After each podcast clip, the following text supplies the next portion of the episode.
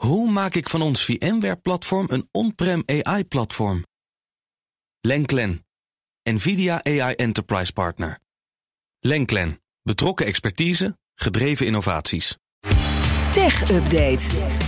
Ja, zeker wel. Met Mats Akkerman. Mats, goedemorgen. Goedemorgen. Ons kabinet moet opnieuw kritisch kijken naar werken in de cloud. Ja, dat is wel een interessante ontwikkeling. Want vorig jaar werd er nog aangekondigd dat onze Rijksoverheid commerciële clouddiensten mag gaan gebruiken of blijven gebruiken. En dus vooral die ook van de grote Amerikaanse techreuzen. Dat stond toen in het Rijksbreed Cloudbeleid 2022. Zo'n mooie ambtelijke naam. Waar eh, staatssecretaris Van Huffelen van Digitalisering in oktober mee kwam. Maar nu is er een Kamermeerderheid die in een motie oproept om dat eigenlijk te heroverwegen. Dat is op initiatief van VVD-Kamerlid Queenie Rijkowski. En een motie die verder is ingediend door VVD Volt, D66, CDA en ChristenUnie. Nou, je hoort het al, alle coalitiepartijen zitten daarbij, dus dan heb je een meerderheid. Uh, er waren vooral zorgen over wat er nou precies zou gebeuren met gevoelige data van de overheid in die commerciële clouds. Aangezien er volgens sommige critici onvoldoende waarborgen zijn dat Amerikaanse partijen onze soevereiniteit digitaal goed waarborgen. Ook de autoriteit persoonsgegevens bijvoorbeeld, die stelde dat het opslaan van overheidsdata risico's met zich meebrengt. Er waren best wel wat kritieken, onvoorzichtig, slecht getimed, uh, kritische rapporten negerend en naïef. Dus dat was een aardig lijstje. Oh, bedankt. Ja. En nu is er dus een motie aangenomen. En daarin staat dat bij de eerstvolgende evaluatie van dat Rijksbreed cloudbeleid. dat er opnieuw hiernaar gekeken moet worden of dit nog wel uh, zo'n goed idee is. Ja. Om het te heroverwegen. En het is ook een beetje bedoeld om misschien te kijken of we niet beter met z'n allen in een Europees cloud-initiatief kunnen start, stappen. Nog Ja. niet duidelijk welke dat dan zou moeten zijn. Maar dat we in ieder geval niet van die Amerikaanse ja, precies. Afhankelijk zijn. eh. Europese cloud. Precies, nog wel een kleine kritische side note. Het is dus een motie die hiertoe oproept. Maar we zagen eerder deze week dat Alexandra van Huffelen een andere motie van de Tweede Kamer naast zich neerlegde over de Europese digitale identiteit. Het is wel vrij zeldzaam, maar goed, het is een motie die, die hiertoe oproept. En er is dus altijd nog een kans dat ze zeggen, eh, ja, we doen het toch niet. Nee, laat maar zitten.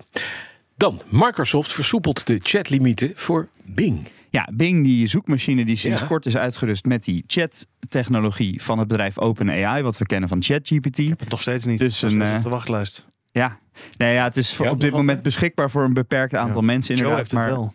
Ja, maar ja, dat, dat is Joe. maar goed, Ik het vroeg is dus een, zoekmachine met een chatbot daarin. Eh, alleen dat chatten met die chatbot, dat gaat een, nog lang niet voor iedereen eh, soepel. En vooral bij langere chatsessies kan Bing eigenlijk een beetje ontsporen. Hij kan bijvoorbeeld verward raken over ja, op welke vraag hij nou eigenlijk antwoord aan het geven is. En hij kan zelfs echt eh, aanvallend op je gaan reageren. Of tegen je liegen, je beledigen.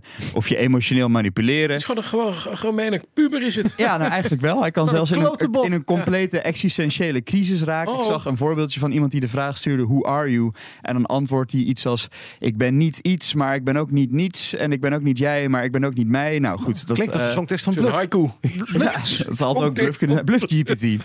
Eh, maar goed, het was niet helemaal de bedoeling dat hij zo ontspoorde. Dus er kwam een limiet op het onbeperkte chatten met Bing. Er kwam een limiet van vijf vragen per sessie tot een maximum van 50 per dag. Nou, dat wordt nu weer iets verruimd naar zes vragen per sessie en 60 per dag.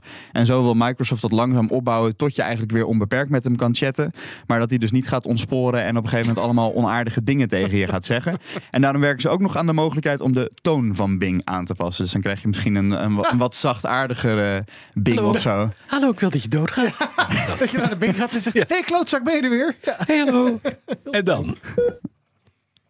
Ja, Nederlandse artsen, artsen gaan de hartscanner van de Apple Watch nu in de praktijk testen. Want het ding dat zit in de Apple Watch, hè? Ja, dat zit er al sinds 2018 in een ingebouwde hartslagmeter. En ook een ingebouwde ECG-scanner. Oftewel zo'n ding wat een, een hartfilmpje kan maken. En nu gaat Cardiologie Centra Nederland de Apple Watch in de praktijk testen om hartritmestoornissen vroegtijdig te detecteren. Eh, om bijvoorbeeld beroertes te kunnen voorkomen. En zeker eh, mensen vanaf 65 jaar lopen daarop een verhoogd risico. En dat is te voorkomen, maar dan moet je dus wel op tijd de diagnose stellen. Nou, Stanford Medicine concludeerde al in 2019 dat je met die ECG-scanner van de Apple Watch inderdaad die hartritmestoornissen op tijd kan eh, ontdekken. En het enige wat je daarvoor hoeft te doen is het horloge dragen. En dus gaan ze nu die functie testen onder de doelgroep die een risico loopt. Doen ze in samenwerking met het Amsterdam UMC. En eh, Apple werkt zelf ook mee door de horloges in bruikleen te stellen, zodat ze eh, die test kunnen doen. En een team dat daar dan zit, genaamd de Hartwacht, dat is al een bestaand team dat kijkt, houdt mensen thuis in de gaten op afstand. Die gaan nu via die Apple Watches dus met patiënten meekijken. En dan kunnen ze ja, in een vroegtijdig eh, stadium ingrijpen door bijvoorbeeld eh, vervoer naar het ziekenhuis te regelen of al, eh, al te zien aankomen dat het fout gaat bij iemand thuis en dus iemand naar het ziekenhuis te halen. Wel eng. Je krijgt staat ineens een ambulance voor de deur. Ja. Ja, en dan weet je, weet je, en weet denk je, je, weet je, kom weet je naar zelf nog niet dat je een beroerte krijgt en dan staat de ambulance al klaar. Nou, op zich wel fijn. Wel goed. Eh, en de artsen zeggen, hè, er zijn wat voordelen van de Apple Watch. Hij heeft allerlei medische goedkeuringen, die heeft hij al officieel gekregen. Maar hij is ook kleiner en goedkoper dan veel medische apparatuur. Mhm. En er is ook nog de optie om versleuteld die hartdata te delen met je arts. En dat is dan weer een vereiste volgens Europese privacywetgeving. Dus het is ook nog allemaal netjes volgens de regels. Dus Ja. eh, daar starten ze een test mee en die loopt tot en met het eind eh, van dit kalenderjaar. En dan gaan ze het evalueren en dan eh, Mooi. wellicht meer. Klinkt goed. Dankjewel. Ja, toch? Mats Akkerman. De BNR Tech Update wordt mede mogelijk gemaakt door Lenklen. Lenklen. Betrokken expertise, gedreven resultaat. Hoe maak ik van ons VMware-platform een on-prem AI-platform? Lenklen. NVIDIA AI Enterprise Partner. Lenklen. Betrokken expertise, gedreven innovaties.